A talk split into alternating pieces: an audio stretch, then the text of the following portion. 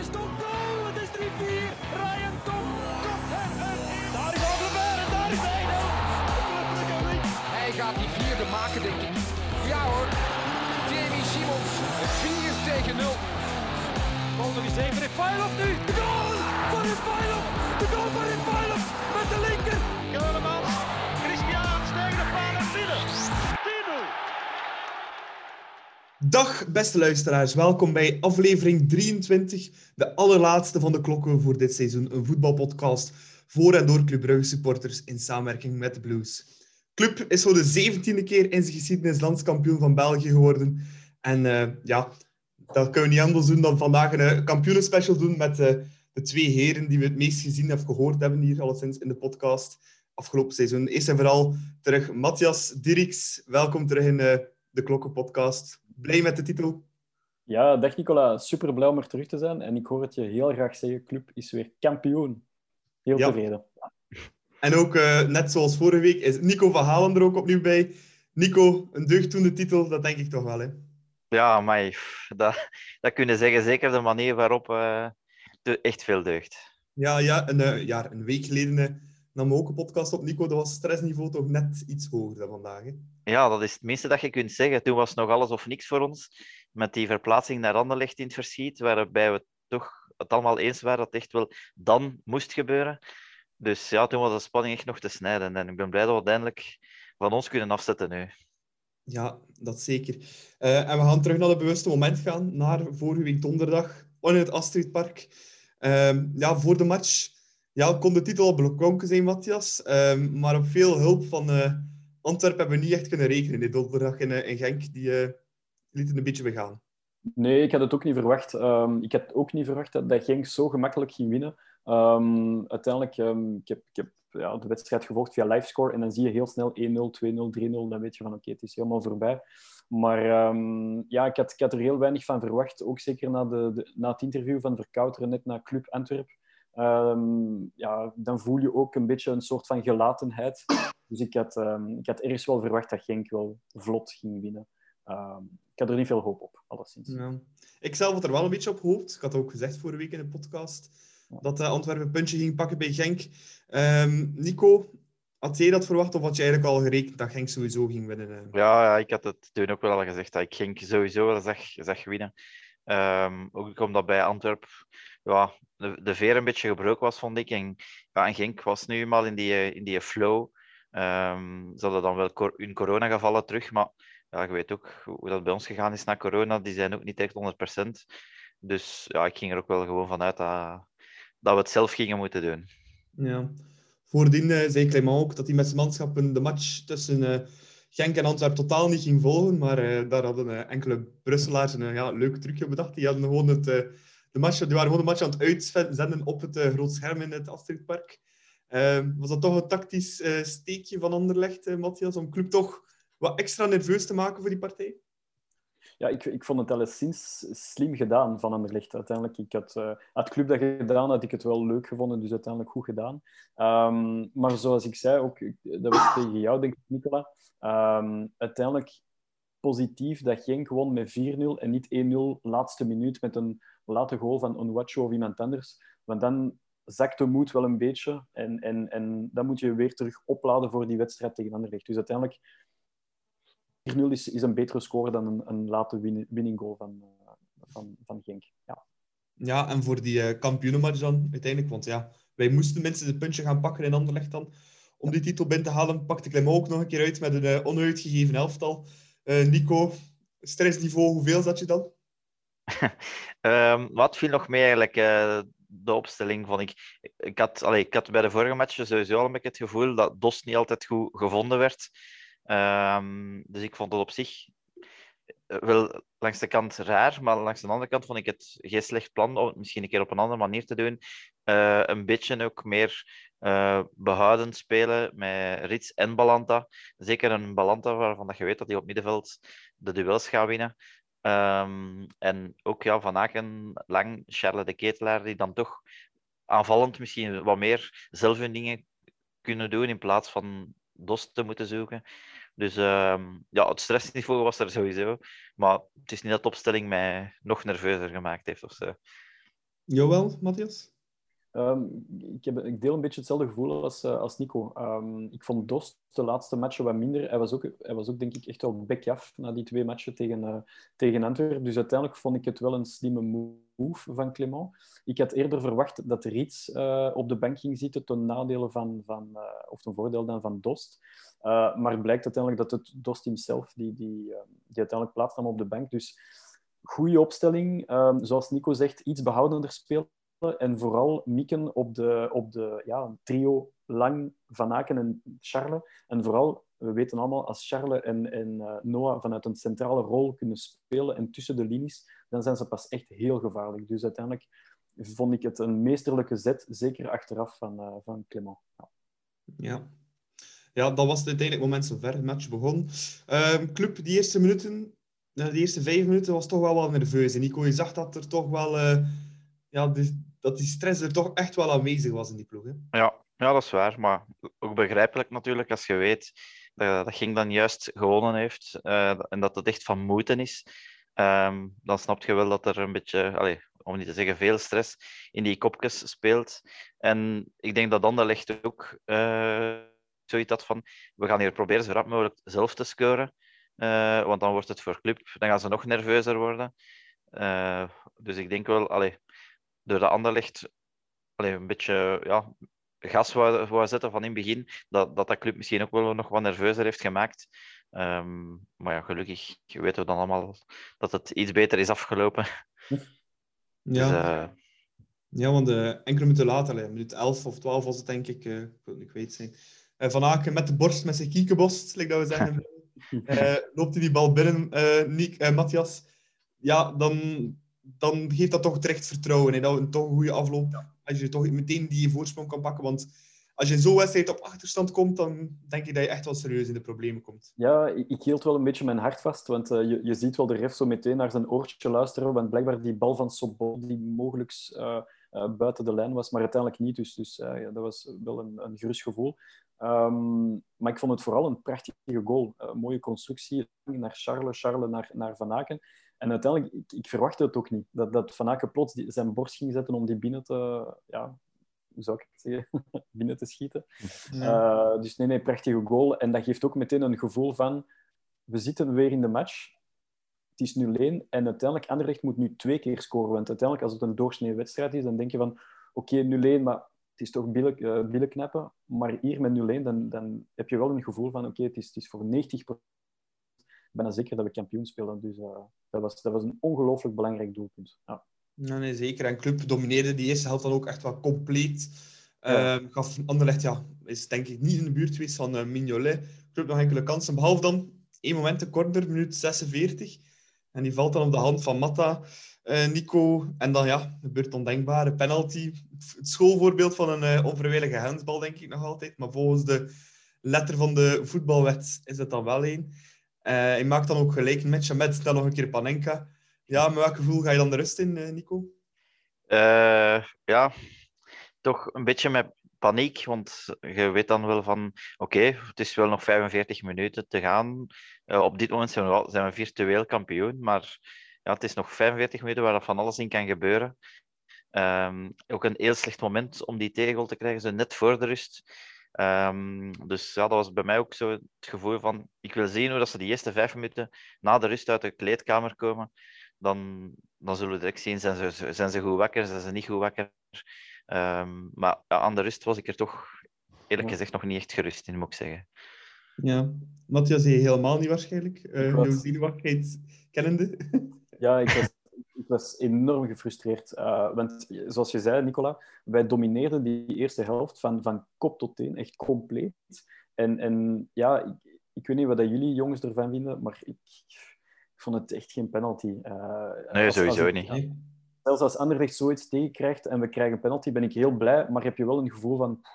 Dat is wel, dat is wel allee, heel, heel, licht, heel goedkoop, heel licht gegeven.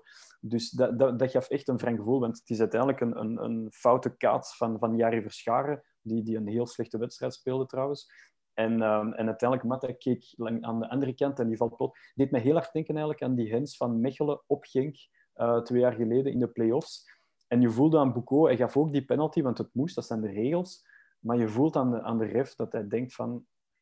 Uiteindelijk, dat is, echt, dat is geen penalty. Als je, Was dat niet Visser? Ja, of... eh, Nu was nee, het nee, Dat was Visser, hè? Boucault was gisteren met Anderlecht, denk ik. Ja, ja, nee, nee, maar ik bedoel- maar ik bedoel Boucault ehm, op Genk met... eh, Ah ja, toen, ja, ja zo bedoel je. Ja. Met die Ja, ja. penalty tegen Mechelen. En je voelde ook opnieuw die ref van... Het is geen penalty, maar ik moet die geven. En, en ik vind echt wel dat ze, dat ze de, die regels moeten veranderen. Want, want het probleem is, het blijft nog altijd gut feeling voetbal. Het is geen, het is geen eh, vaststaand feit. Dus eh, dat, was, dat was extra zuur.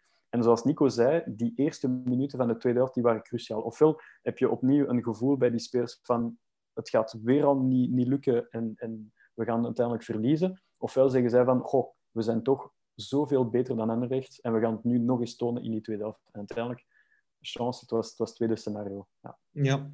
ja, want die tweede helft Club, geen wissels, ehm, maar wel ja, direct vastberadenheid. Je zag wel dat Clement zijn wat moed had ingepraat, zeker na die uh, ja, late gelijkmaker. En het was dan opnieuw uh, Charles de Ketelaar, opnieuw naar Van Aken, Nico, die het uh, afmaakt.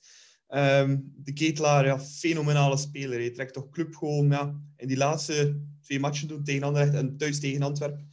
Ja, trekt die club gewoon in zijn eentje over de streep. Het is toch onwaarschijnlijk. Ja, zeker. Hij heeft, hij heeft verschillende wedstrijden gehad waar het wat minder was, maar op het moment dat het echt moest, heeft hem ons toch, is het toch van heel grote waarde geweest tegen Antwerpen.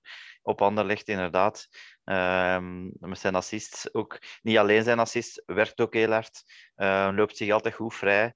En ja, je ziet ook, zoals Matthias al zei, die, die in tandem met, met Noah Lang, ja, dat is echt... Uh, ik denk niet dat er veel Belgische verdedigingen tegen opgewassen zijn. Dus uh, ja. ja. het is wel Charles die, die heel belangrijk is geweest op, uh, op Anderlecht, denk ik. Ja, en drie minuten later uh, doet Noah Lang helemaal het licht uit. Allee, zou je toch denken op dat moment. 1-3.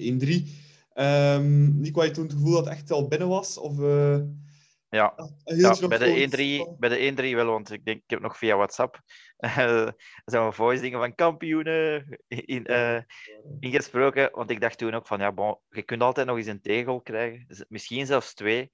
Maar ze moeten er al drie maken om vanavond die kampioen te zijn. En ja, dat, dat zou nu ook wel niet gebeuren, ik er nog drie zou maken. Um, al moet ik toegeven dat het uiteindelijk niet was, maar ik dacht wel na de 1-3, dacht ik, allee, was ik wel op zijn George Lekes 90 uh, procent zeker dat het, uh, dat het binnen was. Ja, en als je dan toch niet, alleen Mesha scoort dan die 2-3 20 minuten op het einde, dan is het maar twee goals niet meer. denk ik dat toch niet zo'n klein stemmetje jezelf van, godverdomme, het gaat hier toch geen waar zijn hè, vandaag. Ja, ja. Pff, vooral omdat de goal eigenlijk veel te vroeg viel. De, dat was, als die 2-3 valt in, in minuut 80 of 85, zou ik zeggen van oké, ja. Maar het was, het was redelijk snel al 2-3. Um, ja, dan was misschien wel even terug wat paniek, maar ik vond dat we wel goed genoeg in de wedstrijd zaten.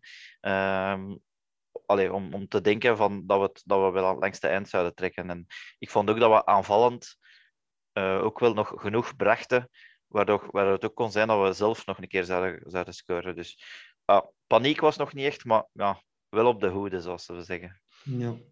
ja, uiteindelijk werd het dan toch nog 3-3.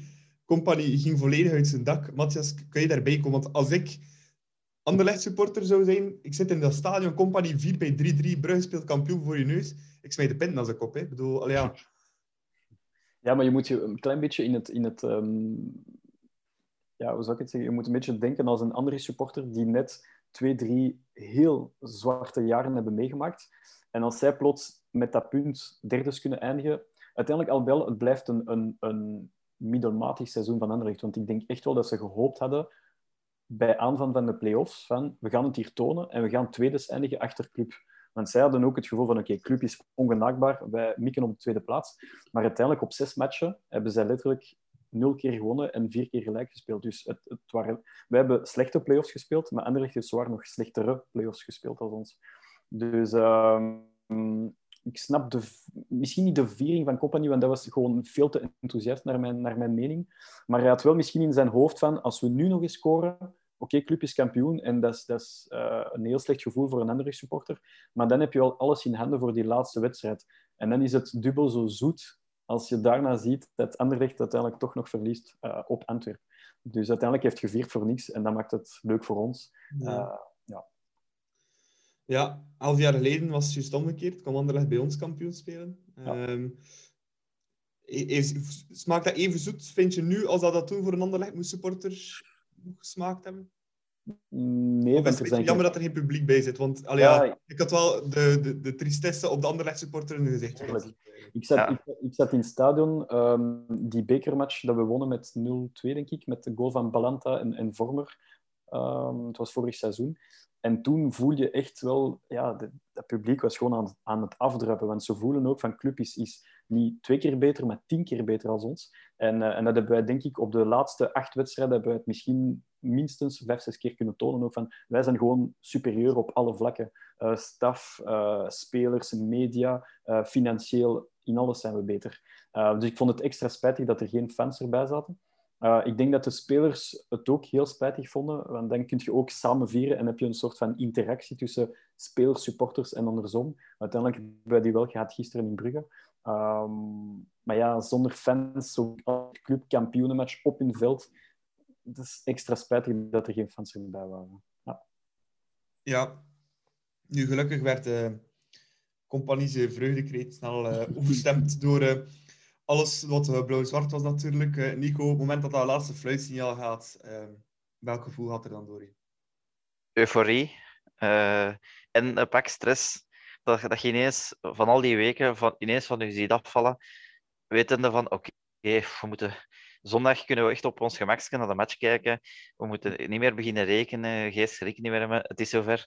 En ja, natuurlijk ook euforie. Zeker met dat wij in Vlaams-Brabant wonen. Uh, dat je de komende maanden, of zelfs misschien jaren, ja. nog gaat kunnen doorsteken. Uh, dat we op het veld van Anderlecht uh, kampioen gespeeld hebben. Dus ja, dat was gewoon een heerlijk gevoel, moet ik zeggen. Ja. Over de match zelf dan nog. Matthias, u had voor jou de man of the match.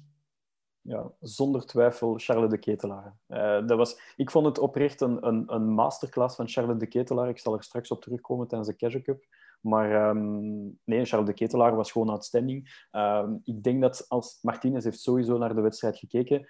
En ik denk oprecht, eh, als Martinez die, die, die wedstrijd volledig heeft gekeken, dat hij denkt van... Goh, Charles de Ketelaar heb ik misschien, had ik misschien toch moeten selecteren. Maar uiteindelijk heeft Charles de Ketelaar niet geselecteerd op een moment dat Charles ook echt wel minder zat. Hij zat even in een diepje. Twee, drie maanden. Niet, niet, niet zo'n heel lange periode, door COVID onder andere. Um, maar ik denk dat hij wel een beetje spijt heeft van zijn keuze. Want als je Chadli bekijkt in die selectie en je laat Charles thuis, zeker na, na zijn laatste matchen, dan, dan is het wel extra zuur. Maar uh, nee, Charles was gewoon de, de, veruit de beste man op het veld. Ja, ja vind ik ook. Uh, Nico, sluit je daarbij aan? Ja, ik vind dat ook. Uh, is voor mij ook de man van de match. Um, met ook wel nog een vermelding voor Balanta. Ja. Want die vond ik ook heel sterk op middenveld. En ik had toen denk ik ook nog gestuurd naar jullie, een, een Balanta, als die een beetje zijn niveau heeft, dat is toch wel ook een heel nuttige pion in je middenveld, vind ik. Ja, want... Maar, dus, alleen natuurlijk, Charles was meer beslissend, sprong um, Dus voor mij ook wel Charles. Ja. Nicola, je zei net van Charles trekt ons over de streep voor de titel. Dat is 100% waar, want in die wedstrijden met Antwerpen en, en Anderlecht, hij trekt ons over de streep. Maar ik denk dat Balanta evenzeer zijn aandeel heeft gehad, want ja. Clement is, is, heeft uiteindelijk toch gekozen voor oké, ik ga nu een extra man zetten op het middenveld, Balanta. En als je ziet de manier waarop Balanta scherp op een, op een aanvallende middenvelder kan verdedigen. En je ziet ook meteen Kosonou en Mechelen die daarbij aansluiten. Dat maakt het verschil ook tussen we gaan ervoor en we winnen matchen of, of we spelen alvast gelijk. En niet van oké, we, we, laten de tegenstander op ons afkomen en we zien wel. Want wij moeten gewoon rekenen op een gelijkspel. Dus uh, Balanta heeft echt wel een heel groot aandeel in die Nee, zeker. Ja, dat is ook die agressiviteit dat hij heeft. Hè. En ook hij zorgt voor defensieve ja, stabiliteit in die ploeg. Hè. Een extra man voor ja. die verdediging. Ja. het is echt een stofzuiger. Hij zit overal tussen, ja. uh, loopt hard, werkt hard. Dat heb je nodig, hè? Tweede ballen. Ja. En hij kan, hij kan ook voetballen. Ja, we vergeten dat soms. We denken altijd, Balanta is sterk, fysiek, duels, uh, kracht, et cetera. Maar het, het, is ook een goede een goede voetballer. Ja, zeker. Ja. Dan uh, een feestje uitgebroken te Huizen Dirks, ook? Ja, absoluut. Het was, we hebben het wel COVID-free gehouden met de familie en dan nog één, één vriend van mij. Maar um, nee, nee, het was, het was complete euforie. Um, je vroeg het mij voor de podcast, Nicola, heb je meer gevierd of gefeest zondag na de match tegen Genk of, of donderdag? Maar uiteindelijk bij mij was het toch donderdag, want dat, dat euforisch. Ja, je zit in een roes, je hebt, je hebt zo heel veel euforie rond jou. En, en zoals Nico perfect verwoordde vijf minuten geleden, heel die, die stress valt volledig uh, weg. En, en dan kun je eindelijk denken aan feesten. En, en, en denken, oké, okay, kampioen. En zoals Nico, ik woon ook in, in Pajottenland, in Vlaamse Brabant. En dat, dat krioelt hier van, van supporters.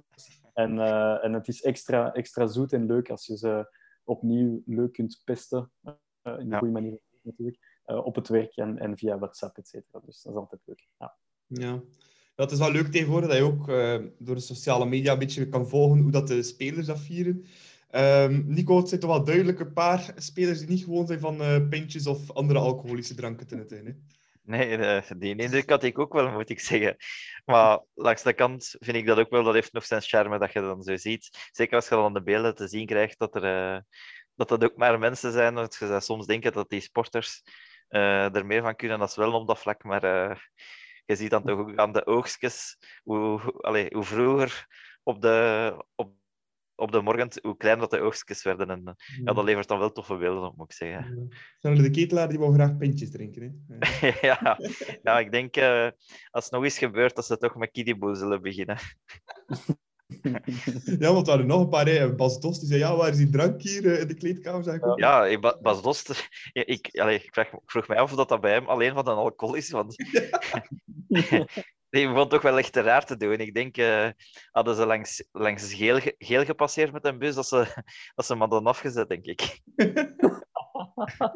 ja, ik, en, ik denk dat Charlotte, Charlotte te kampen met het syndroom van hè, als, je, als je nog heel jong bent, dan, dan moet je eigenlijk alcohol opbouwen. Hè. En, en hij heeft ja. meteen gewoon per totaal eerste uur en dat moet je nooit doen, want anders... Ja, en niks gegeten ook, hè? Ja, en niks, en niks, gegeten. En vooral, ja, dat ja, een ja. drinkt Na, na zo'n match spelen dus ik stik kapot in feite, fysiek. Niks ja. en dan direct petten bij, of, ja, of, of, champagne of whatever bij drinken. En dan, ja. en, dan, en dan nog in de bus, allemaal tezamen. Dat is ook zo heel waarschijnlijk warm in de bus. Dus dat, is, dat, is, dat, is, geen goede combinatie. uh, ik vond trouwens ook het, het interview tussen uh, Vormer, Clement en uh, Van Aken. Dat was wel een, een mooi moment. Ja. Ja, dat was tof. tof. Dat ik wel nog, dat nog gerust tien minuten langer mogen duren, dat interview. Ja, zeker, zeker. Nee, nee ik, vond, ik vond het vooral heel mooi de manier waarop dat Van Aken en Clement hebben afgelachen van eh, blijkbaar Hans, ik, ik, heb jou niet graag en ik zet jou ostentatief op de bank. Ik vond, ik vond dat wel leuk, die, die wisseling van ergens de media een beetje treiteren. Um, ik, vond dat, ik vond dat heel leuk gedaan trouwens, tussen de twee. En ook met Vormer er nog eens bij van heel veel bla bla bla. Maar uiteindelijk, als puntje bij paaltje komt, spelen wij toch mooi kampioen. Dus uh, inderdaad, Nico, je hebt volledig gelijk. Dat, dat interview, ik, dat was eigenlijk het mooiste interview van heel die avond. Ja, ja. Ja, nee, zeker. Ik denk ook dat uh, Dave Peters was, hij het afgenomen heeft. Ja. Wel de, de ideale man voor zo'n soort... Uh, ja, dat is waar. Ja. Heel goede interviewer. Ja. ja.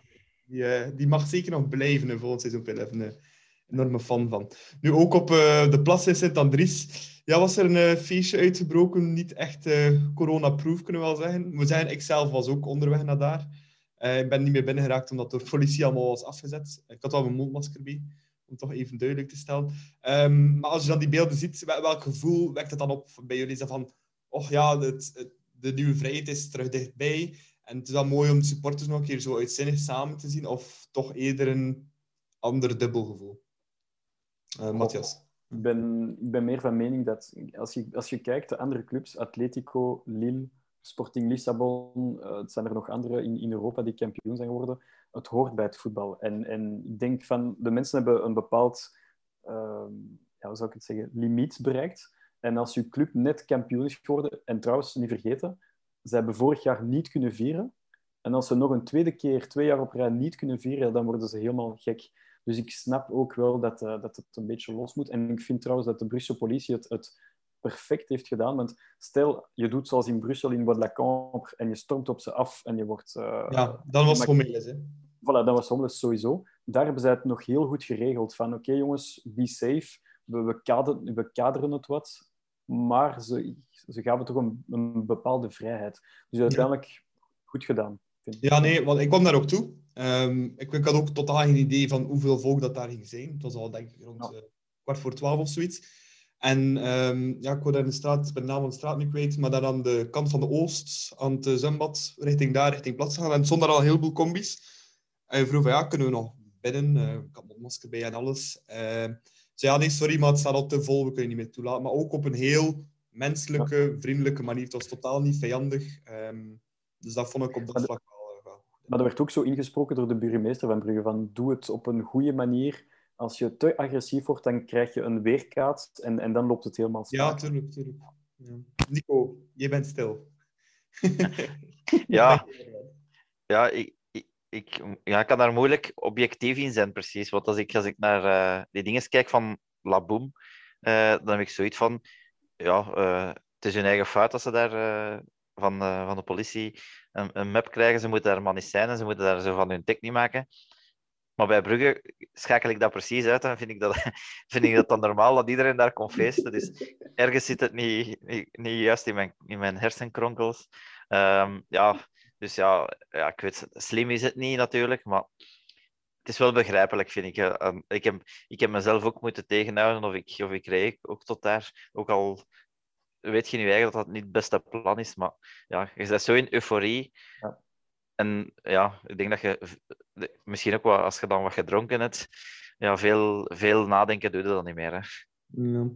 Wat dan misschien wel niet het slimste plan was van Club, was om dan eh, ja, met de bus ook nog in te stoppen in Drongen en nog een keer aan de plaats, terwijl dat, dat duidelijk was afgesproken met de politie om dat niet te doen. Matthias, dat, dat lijkt me dan weer wel echt geen slimme move van Club, hè, om de samenwerking met de politie voor de komende jaren, want ze zullen ze nog veel nodig hebben. Eh, een nieuw stadion en toestanden, eh, om dat dan te doen. hè.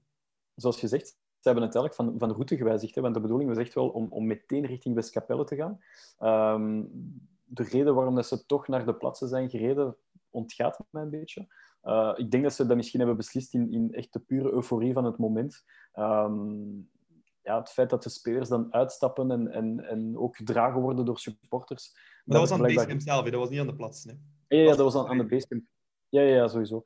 Maar eh, nee, dat was misschien niet, niet het allerbeste idee. Eh, als je zegt van we gaan gewoon naar Westkapelle, van Anderlecht naar Westkapelle, ga dan gewoon naar Westkapelle. Want als je onderweg wijzigt, dan weet je meteen van je beslist dat puur in het moment zelf van de euforie van de roes. En zo'n beslissingen op een verkeerde moment, dat is, dat is nooit goed. Dus eh, ja, ik had misschien dan gewoon doorgegeven naar, naar Westkapelle. Ja, dat denk ik ook dat misschien wel de, de slimmere move was.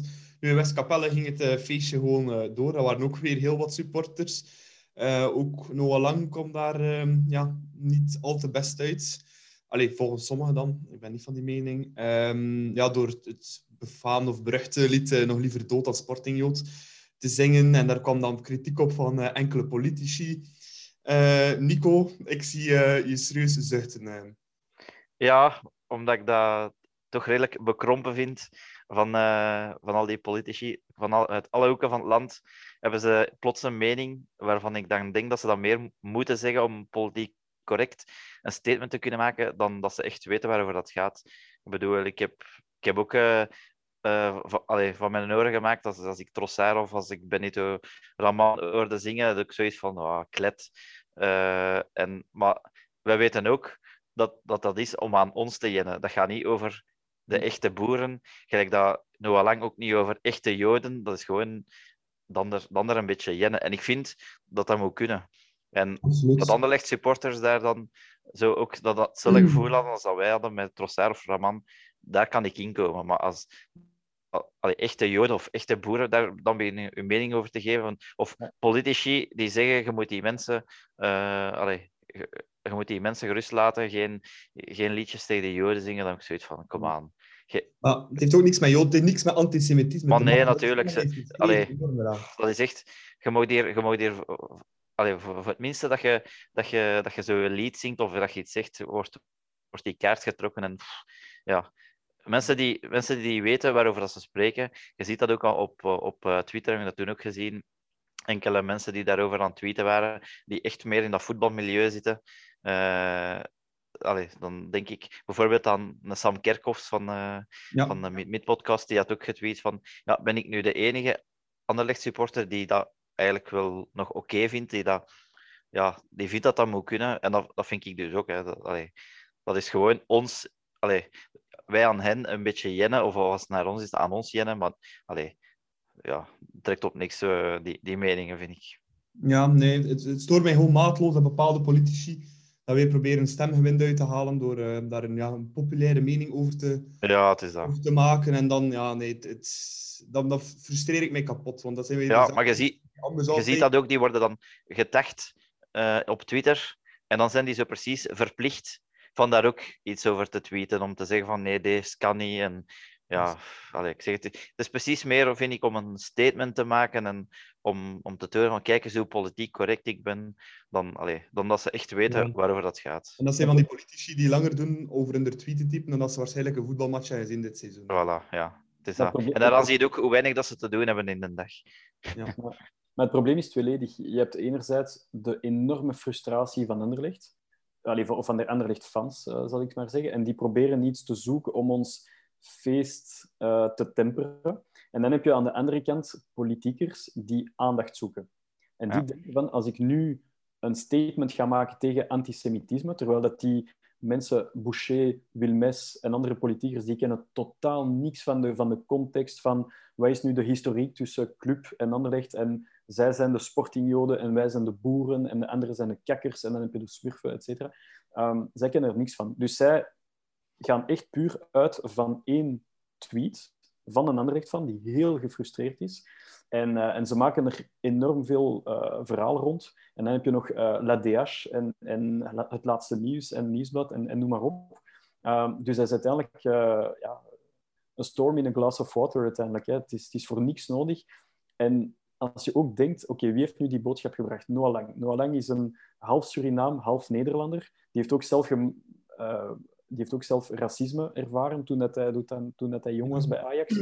Hij komt ook van een jodenclub Ajax, dus hij kent ook de, de, het feit als dat... Als er iemand is die, die dat heel die historie erachter kent, is het wel Noah Lang. Ja. Dus, ja. Ja. Maar ik denk, ja, het, is, het, is puur, het heeft echt puur te maken met irritatie en frustratie en dan aandachtzoekerij bij politiekers. En die combinatie tezamen, dat geeft al hetgeen dat we hebben meegemaakt op vrijdag. Dus ik, ik vind het schandalig, maar ik vind het opnieuw zo heel uh, kortachtig, of, of, hoe zeg je dat? Heel bekrompen. Ja, heel bekrompen van, van opnieuw ja, België. Hè. Uh, het is niet de eerste keer dat als je iets zegt, zoals Nico zei, je zegt iets dat anders kan, kan ervaren worden en plots heb je weer een storm achter jou. Dus, uh, ja, en het is ook omdat, om, nog een keer bij, omdat het in het voetbal is. Ja. laat laat 5000 Palestijnen uh, in de straat lopen en daarover liedjes zingen, dan gaan ze zeggen, ja, het is een betoging, die en dat, dan wordt dat getolereerd. Is er een voetballer die dan een keer na, in een feestnacht een keer een liedje supporters, waar dat dan nog niet rechtstreeks naar de, naar de Joden is, dan, oh ja, dan wordt daar weer zo'n ganse heisa rondgemaakt. Ja. Dus, ja. Ik vind ook een groot verschil bijvoorbeeld met hetgeen dat Noah Lang heeft gedaan, of hetgeen dat Raman heeft gedaan. Raman heeft dat wel gedaan in een vol stadion, ja, waar er kinderen bij zaten, wat er jonge supporters bij zaten. Ik vind dat iets helemaal anders dan op een kampioenenviering op een hekje, waar er twintig man hem staat een beetje op te fokken om een keer onnozel te doen. Dat is toch ja. ook een totaal andere context, vind ik. Sowieso. Bij, bij Raman, hij pakt echt een micro voor een vol, vol stadion. Dat is, dat is toch helemaal iets anders. Ja. En hij heeft toen ook zich zijn, zijn verontschuldiging geboden. Maar ik vind wel de, de reactie van en Noah Lang en van Club Brugge fantastisch. Want uiteindelijk, ja. ze hebben niet ostentatief een excuus aangeboden, maar ze hebben gewoon gezegd, jongens, jullie moeten weten dat Noah Lang uh, hij had totaal geen antisemitisch gedacht. Dus bij deze is, is het hoofdstuk helemaal afgesloten. En dat zie dus gewoon much ado about nothing eigenlijk. Ja, ja, ik ben ook wel blij met de reactie van Club daarop. Uh, en van Noah Lang zelf ook, want hij heeft ook op uh, ja, ja, Instagram heeft hij nog kort iets gezet op zijn stories. en hij zei, ja, verder ga ik er ook niet meer op reageren. Dat vond ik ook wel een correcte, correcte uitspraak. Nu, um, ja, donderdagnacht was dan afgesloten. We hebben wel uh, goed geslapen allemaal, denk ik. Uh, goed gedroomd. Nu is zondag gisteren dus. Uh, was terug voor de laatste keer voetbalclub tegen Racing Genk. Over die match zelf ja, kunnen we vrij kort zijn, Nico. Het was een ene seizoensmatje. Ja, als, als je Clement hoort zeggen voor de match van ja, ik heb wel moeten zoeken naar jongens die ik aan de aftrap kan brengen. dat waren zijn letterlijke woorden. Dan dacht ik al van ja, oké. En ook als je, logische einde seizoensmatch dat dan ook enkele jongens laat een keer starten, zoals een, een Badji, zoals Van de Bremt, zoals een Bamba, uh, waar we toch allemaal heel benieuwd naar waren. En het is ook gebleken de, de, de vorige keren, als we al kampioen waren, keren met tegen, tegen Oostende, dat we nog, nog 2-2 hebben thuis gespeeld. Uh, de, de voorlaatste keer. De laatste keer was dan tegen A-agent. Hebben we thuis, thuis toen nog met 0-1 verloren. Dus ja, ik had gisteren niet zoveel verwachtingen ook niet. Maar ja, het, het hoefde ook niet echt. Hè. Dus gisteren was er totaal geen sprake van stress bij mij. Nu. nee, Matthias, dat was bij ook niet echt het geval, denk ik. Hè? Nee, ik was al blij dat ik met jou, Nicola, mocht Ja. naar, eh, naar Jan Breidel. Dat was op zich al, al fantastische ervaring, want mijn laatste match dateert van, eh, van Beveren eh, thuis. Dus dat is een, echt een poosje geleden. Ehm, dus op zich, ik, ik was eigenlijk ja, contenter om, om terug naar het stadion te gaan. En uiteindelijk, eh, mijn gevoel was meteen, oké, we zijn toch kampioen, dus het maakt helemaal niks uit. En, en zoals Nico zei daar straks, ik was meer aan het kijken naar de score van Antwerp-Anderlecht dan echt naar de match te kijken van Club Genk. En, eh, ja, voilà. Dus de context was gewoon perfect om een, een keer terug naar het stadion te mogen gaan. Ja, ja Matthias, wij waren, zoals je net zei, ja, bij de 500 gelukkigen. eh, als vrijwilliger van de Club Brugge Foundation ook, om naar die match te mogen gaan. Ja, ik vond het wel echt geweldig voor terug op Jan Breidel te zijn. ook al was het ja, met heel weinig volk. Ehm, Maar het voelde toch wel een beetje aan als een, een homecoming. Hè. Zo van, het komt toch allemaal gewoon terug. Het, het gaf een kick, eh, een soort van, van zalig gevoel. Eh, ik denk dat... ik werd er ook niet, emotioneel van, maar ik, wel, ik ga dat wel misschien terug hebben als we mee- Ja. weer in een vol stadion zitten, met, met echt iedereen terug. En, en dat geeft al... Want ik ga niet zeggen dat ik zo'n beetje creepy vond gisteren, maar het was wel een heel raar gevoel om zo eh, publiek te horen schreeuwen bij een goal of bij een actie. Maar we zijn maar, maar met 500 fans. Dus, dus dat geen wel- 500, denk ik dan. Hè. Maar Ja, 300, denk ik. 350. Ja. Ja. Super. het was wel leuk. Wat, wat vond je van de organisatie zelf, Matthias, van het eh, testevenement? Ehm, ik vond het top eh, bij, bij aankomst. Eh, ik vond het heel goed geregeld. Dus je komt meteen naar boven. Mensen van de KU Leuven, hè, dat georganiseerd via de KU Leuven in samenwerking met Club Brugge en de politie. Dus ik vond het heel vlot, goed georganiseerd. Ehm, Die testen moeten afleggen wel eh Ja. in de neus. ja, de Stoksvindenis was, was eh, minder fan. Ik denk ook bij jou, Nicola, je hebt Ja, dat was eh, minder ervaren. een mindere ervaring, ik ga het zo zeggen. Hè. Nee, en zelfs, allee, we hebben een, een clubsjaal cadeau gekregen ook, een mondmasker cadeau gekregen. Dus op zich, en, en ook het was gratis, gratis drinken. Dus ik vond ook echt dat club een, een, een mooi afscheidscadeau gaf Ja. aan, de, aan de vrijwilligers. Dus dat vond ik echt prachtig. Misschien net bij het vertrekken was het wat lastiger voor, voor jou en ik, Nico. Hè, om, eh, want we zijn daar echt wel 20, 25 minuten. eh, we, we werden vastgehouden in, in het stadion zelf. eh, omdat we moesten wachten op de andere tribunes om, om, om vrij te komen. Dus dat was misschien wel wat lastiger. Maar al bij al geslaagd evenement, vond ik. Nee, dus dat, ze hebben ons wel eh, goed in de watten gelegd, hè. Ehm, denk ik wel. Ik denk dat we er wel, Ja. ja, ik denk dat we er wel content over kunnen zijn en eh, de club daar wel uitvoerig voor kunnen bedanken voor dat leuke test. Sowieso. Maar hopelijk kan iedereen dat ook snel terug meemaken met een vol stadion. Eh, we zijn er ons van bewust dat we zeer geprivilegeerd zijn voor dat te, te mogen hebben meegemaakt. Ja. Nu, eh, naast het testevenement ehm, was er ook aan de Olympialaan nog een korte kampioenenhuldiging. Wederom, ik keek er net weer naar het nieuws op eh, om 7 uur. Het was een van de hoogtepunten. Weer al eh, veel commotie daar rond, 2000 man, goed 2000 man die daar samenkwamen. Ehm had club dat misschien toch veiliger of anders kunnen aanpakken, Nico? Ja. Ik vind dat moeilijk om te zeggen. Ik denk wel dat je het misschien beter kunt aanpakken, maar anderzijds denk ik ook dat het gewoon heel moeilijk is om dat tegen te houden. Als ze daar met zoveel volk komen. Ehm Club had dan ook gezegd van de spelers in een kwartiertje of zo. ehm, daar in de tribune tevo- tevoorschijn komen. Ehm, maar je weet ook sowieso, ja, daar komt heel veel volk op af.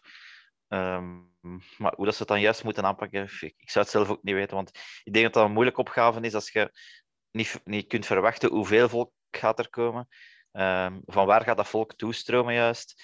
Dus ik denk dat het allemaal eh, heel moeilijk is om dat... Dat vind ik ook, want regelen. er kwam dan ook zo een reactie op van ja, bijvoorbeeld de eventsector, van ja, dat we ons kunnen inschakelen. Nu, ik denk dat Club wel na eh, ja, 130 jaar te bestaan wel ongeveer kan weten hoe dat ze een evenement moeten organiseren. Ja, denk ik ook. Ehm, maar ook, ja, organiseer het maar een keer op twee dagen tijd. Hè, want dat is de tijd dat tussen donderdag en zondag zit. Hè. Er zitten twee dagen in waarin heel de club in een gigantische euforie is. Iedereen meer bezig is met die titel dan wat anders. Ehm, ja, ik denk dat dat ook gewoon niet simpel is om dat even nog rap op poten te zetten allemaal. Nee, nee. Maar je, je ziet dat ook bij, bij de andere ploegen in, in, in het buitenland dat kampioen geworden zijn. Hè.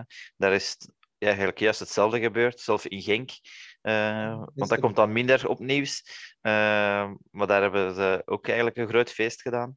Eh, dus je ziet wel bij alle ploegen die iets te vieren hadden, dat het eigenlijk allemaal een beetje zo is verlopen. Dus ik zeg, het is, ik denk dat het gewoon heel moeilijk te, te stoppen is. En je ziet het ook in het buitenland. Hè. Ik, ik noemde daarnet Lille. Uh, Ja. Die hebben ook gisteravond stevig gefeest. En, en dat was ook niet... En vandaag, en vandaag met een open bus, hè, door... eh, Ja, voilà. Ja. Terwijl dat de club echt wel communiceert naar, naar buiten van hou het coronaproof, bubbels van vier, dit en dat. Maar als puntje bij paaltje komt, Ja. iedereen is gedronken en de supporters zien we elkaar terug, ja, dan ga je mee in, in die, ja, in die massavolk eigenlijk. Hè. Dus Ja, nee, klopt. moeilijk.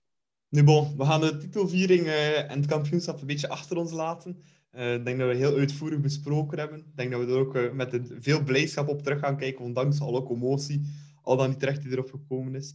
Eh, maar dan kunnen we nu overgaan naar het volgende deeltje van de podcast, en dat is de Katje Cup. Ja, Jan.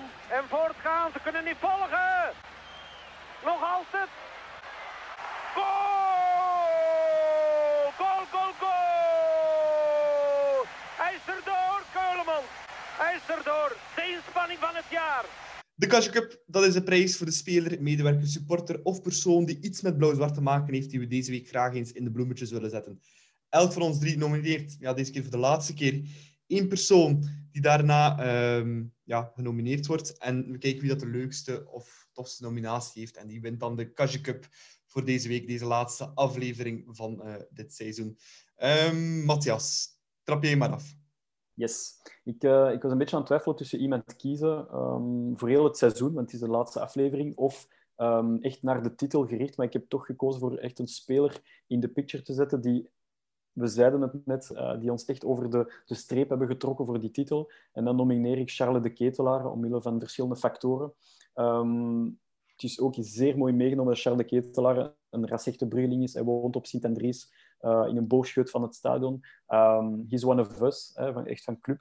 En, en hij speelt een heel uitzonderlijk gevoel van een seizoen. Want iedereen had, een, had heel hoge verwachtingen bij aanvang van het seizoen. Want zeer mooie uh, dingen getoond vorig seizoen. En dan moest hij het waarmaken dit seizoen. En hij maakt het ook helemaal waar. Tot maand februari, tot april, waar hij echt wel twee maanden een, een diepje heeft gekend. Waardoor dat hij uiteindelijk naast die selectie valt van, van Martinez. Maar de manier waarop dat hij, dat hij ons thuis tegen Antwerpen en op Anderlecht letterlijk over de streep heeft getrokken. Uh, met die heel belangrijke goal, uh, de 1-0 tegen Antwerpen. En vooral die masterclass op Anderlecht. Echt waar, chapeau. Op, op 20-jarige leeftijd, denk ik. Dus uh, Charles de Ketelaar was voor mij naast Noah Lang. Want Noah Lang is natuurlijk de absolute topspeler van dit seizoen. En, en de meest ja, ongelooflijke speler. En, en hopelijk wint hij straks um, profvoetballer van het jaar.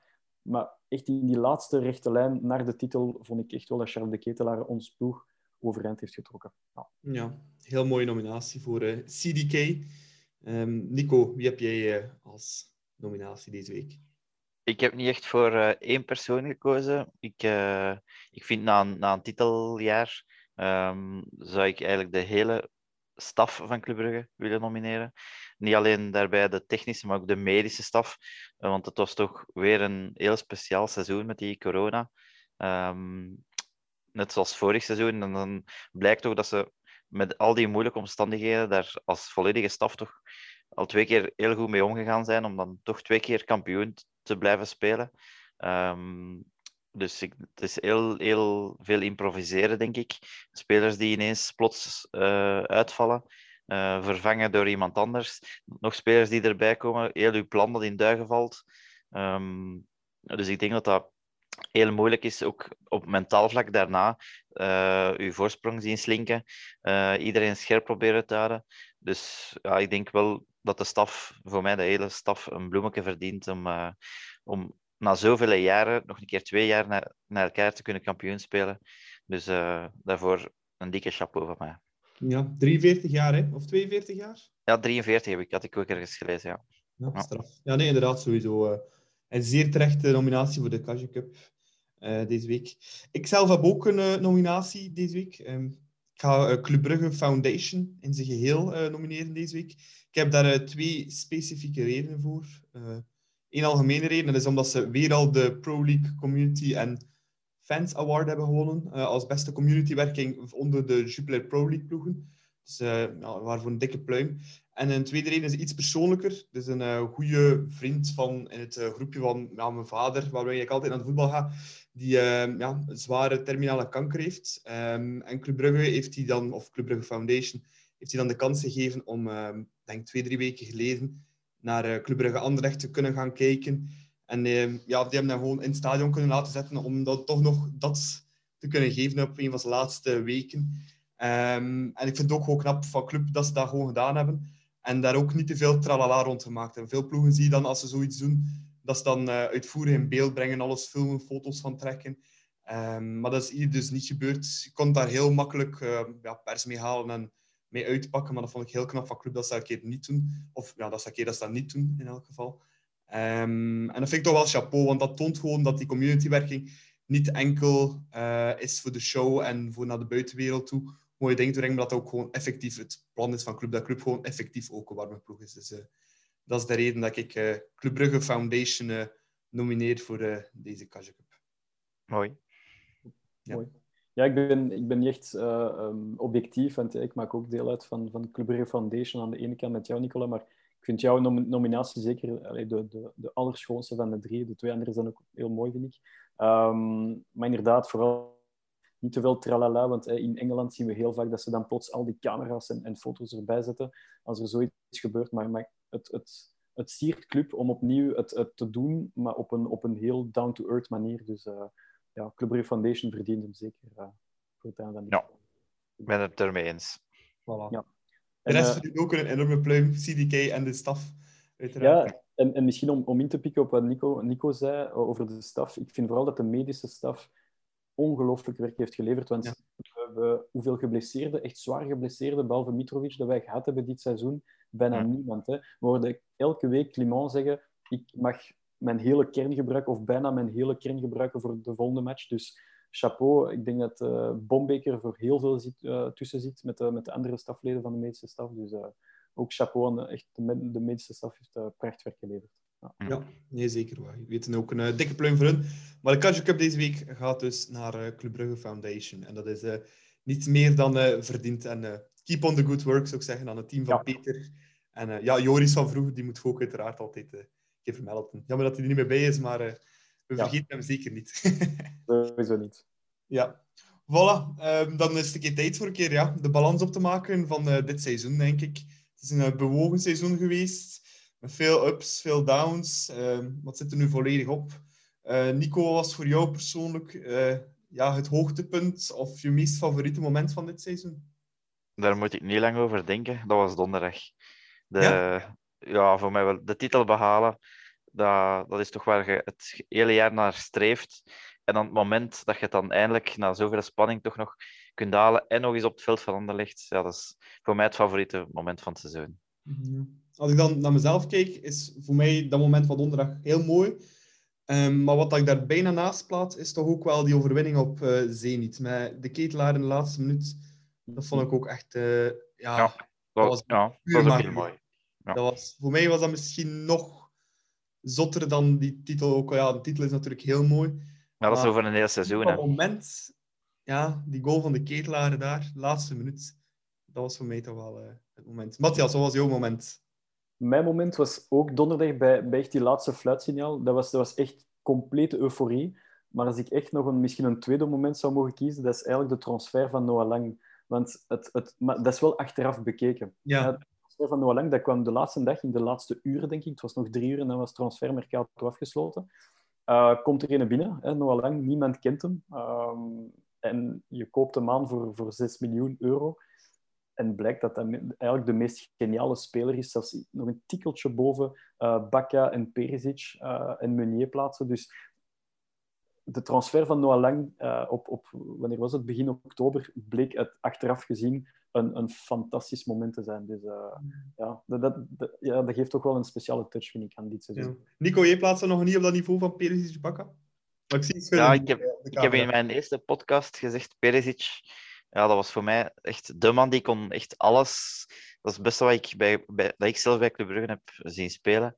En ja, ik, ik vind Perisic toch nog altijd een categorie hoger, denk ik. Ik ben wel benieuwd wat Noah Lang gaat, tot waar dat hij gaat geraken. Um, maar ik vond dat Perisic misschien nog iets completer was. Uh, die was ook um, fysiek heel sterk, die kon heel goed koppen zelfs. Ehm, ik denk, ja, misschien dat Noah Lang nog iets technischer is, maar ja, Perisic is voor mij toch echt wel top of the top. Ja, en over Perisic gesproken, die heeft trouwens uh, ook een leuke, leuke Instagram-post gedaan, of ja, ja. een story gedaan. Die had uh, de kampioenen, het kampioenenbeeld van club gedeeld en dan uh, Romelu Lukaku erin getagd. Ja, ja, heel mooi. Dank u, Ivan. Ja, maar dan, dan, dan, voel je ook dat ze ook waarschijnlijk in die vestiaire van, van Inter, dat ze erover spreken van, van eh, club staat eerste en Anderlecht heeft er verloren en, en dat ze elkaar een beetje jennen en treiteren. Dus het is, het is wel leuk om zo een keer die tag te zien van Lukaku, die altijd Anderlecht verdedigt, en dan Perisic, die een onvoorwaardelijke fan blijft van club. En nogthans, Lukaku hij is, nu, hij is nu fan van blauw en zwart. Dat kan niet anders. Hè? Ja, zelfs, zelfs Ajax begint blauw en zwart te worden. ja, de Joden. Ja, en dat is shirt blauw-zwart. Ja, klopt. Pas op, en ik hoop pas op met wat hij zegt. Hè. Alright. Ja, het was natuurlijk niet allemaal uh, roze geur en maneschijn dit seizoen. Absoluut niet. Uh, Matthias, wat was voor jou het, dieptepunt van het seizoen? Wanneer heb je het diepst gezien en het meest gevloekt over club? Mm, het meest gevloekt? Um, wel, die eigenlijk op, op een paar dagen tijd uh, standaard in Kiev. Ja. Uh, dat was voor mij, maar bon, uiteindelijk eh, COVID-uitbrak met die, met die bus richting Charleroi. En dan heb je zo die, die, ja, die, die eliminatie echt kort op elkaar. Stond, ik dacht eerst Kiev en daarna standaard. Uh, dus dat was echt een mokerslag van je welste. Um, achteraf bekeken vond ik het ook echt wel een grote ontgoocheling dat Diatta en Dennis, maar vooral Diatta, misschien een klein beetje minder mate Dennis, maar vooral dat Diatta niet werd vervangen. Want achteraf gezien, Chong en Dirar, hoopgevend, hè, waren allemaal hoopgevend uh, eind januari, maar blijkt dat Diatta totaal niet werd vervangen. En, en dat heeft ons eigenlijk bijna, samen met COVID, hè, uh, met, die, met die dubbele mokerslag, de das omgedaan richting titel. Dus dat waren voor mij de twee grootste ontgoochelingen van dit seizoen. Ja, Nico? Ja, de, ik ging zeggen, het, als je puur op één moment uh, speculeert, dan is het voor mij die bal van de ketelaren op Lazio dat tegen de lat vliegt. Dat was het moment dat ik hier op mijn knieën zat van godver. Ja. Uh, de beker was ook echt, was ik ook echt ziek van de manier waarop ja. dat het daar gebeurd is. Maar ja, de Champions League was toch nog iets meer omdat je eindelijk een keer naar die tweede ronde ging gaan. Dus mm. ja, dat, toen zat ik echt wel ik had, ik had na dat gevoel, alleen na die match wel een beetje een dubbel gevoel ook, na die eh, Champions League. Ik had zo een beetje het gevoel, ja, heel ontgoocheld dat die bal er niet in ging, maar anderzijds ook zo wel trots van... Ja, tuurlijk. Ja, Lazio het gewoon ja, super moeilijk gemaakt en als, we een klein beetje meevallen had, dan spelen gewoon de... Allee, het was toen vice-kampioen van Italië gewoon uh, uit de Champions League. Hè. Dat was ja. geweest. Dus dat ook een beetje trots. Bij mij was het wel dubbel. Uh, ja, maar het is ook daarom dat het zo een grote ontgoocheling is. Hè? Omdat je weet van, het zit er wel in. Als, als je ervan uitgaat, allez, van, van zoveel jaren geleden, van um, een Belgische club in, in de Champions League of verplaatsing, dat kan een 3-0 worden of zo. Maar nu had ik echt het gevoel van, het zit er eigenlijk wel in. Ja.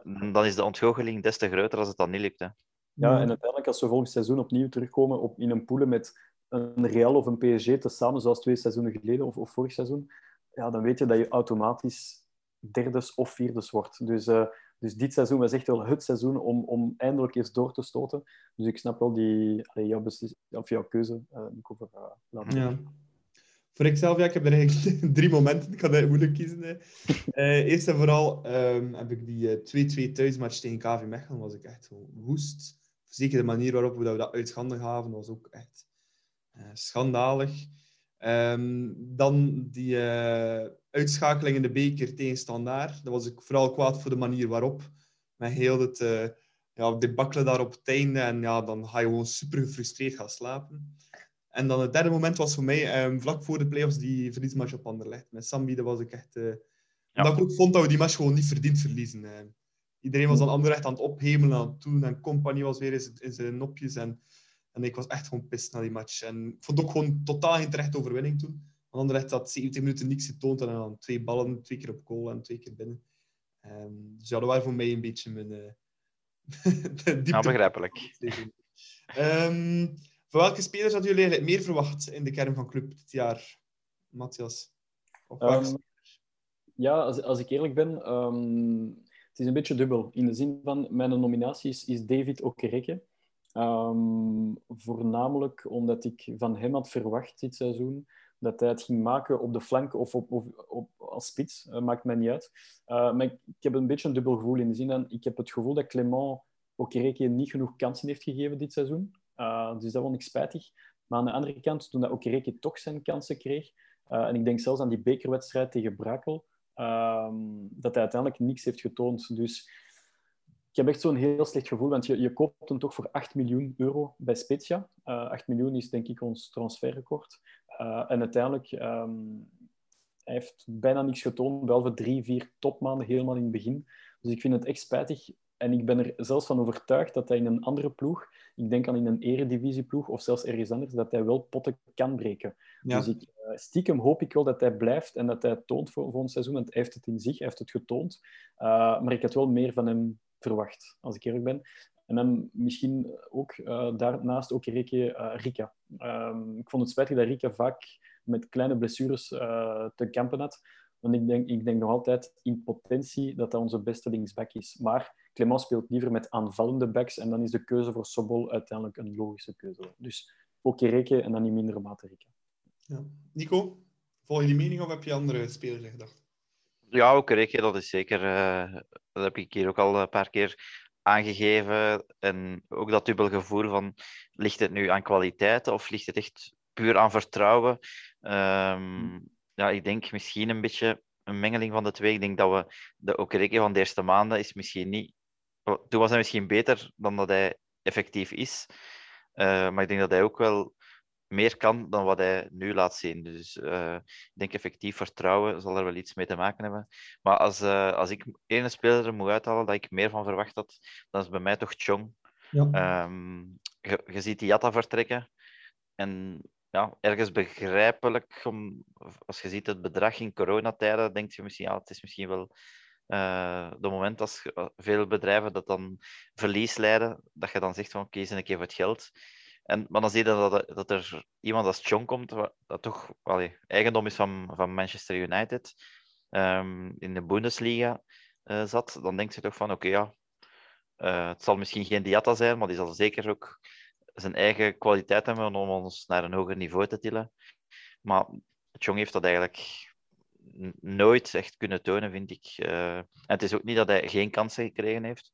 Want de moment dat hij speelde, vond ik hem echt ja, zelden overtuigend. Het schoonste dat ik gezien heb van hem was uh, de normaal op training. Ja. en, ja, en dat was het eigenlijk. Dus ja, ik ben toch vooral het goocheld in hem. Dus het is misschien goed dat het uh, maar gehuurd is. Dat we ook niet bij Okereke 8 miljoen aan hebben gegeven of zo. Dus dat is dan wel het voordeel natuurlijk. Ja, dat is waar. Het gevoel van hij valt bij Bremen, dan kan je nog kaderen van oké, okay, het is Bundesliga, het is stevig kan te maken hebben met uh, een degradatieploeg of, of gewoon Bundesliga zelf. Maar inderdaad, bij club heeft hij letterlijk niks getoond. En Clement heeft hem echt wel zes, zeven wedstrijden achter elkaar opgesteld van in het begin. En ja. nooit uh, overtuigd. Dus. Nee, en ook omdat je een Diatta gewoon zet daar op die plaats. En dan is het toch een serieuze achteruitgang. Ja, maar zelf dan nog... Allee, zelf speel je nog wel anders. Hij is misschien minder snel dan Diatta. Maar ik had er ook...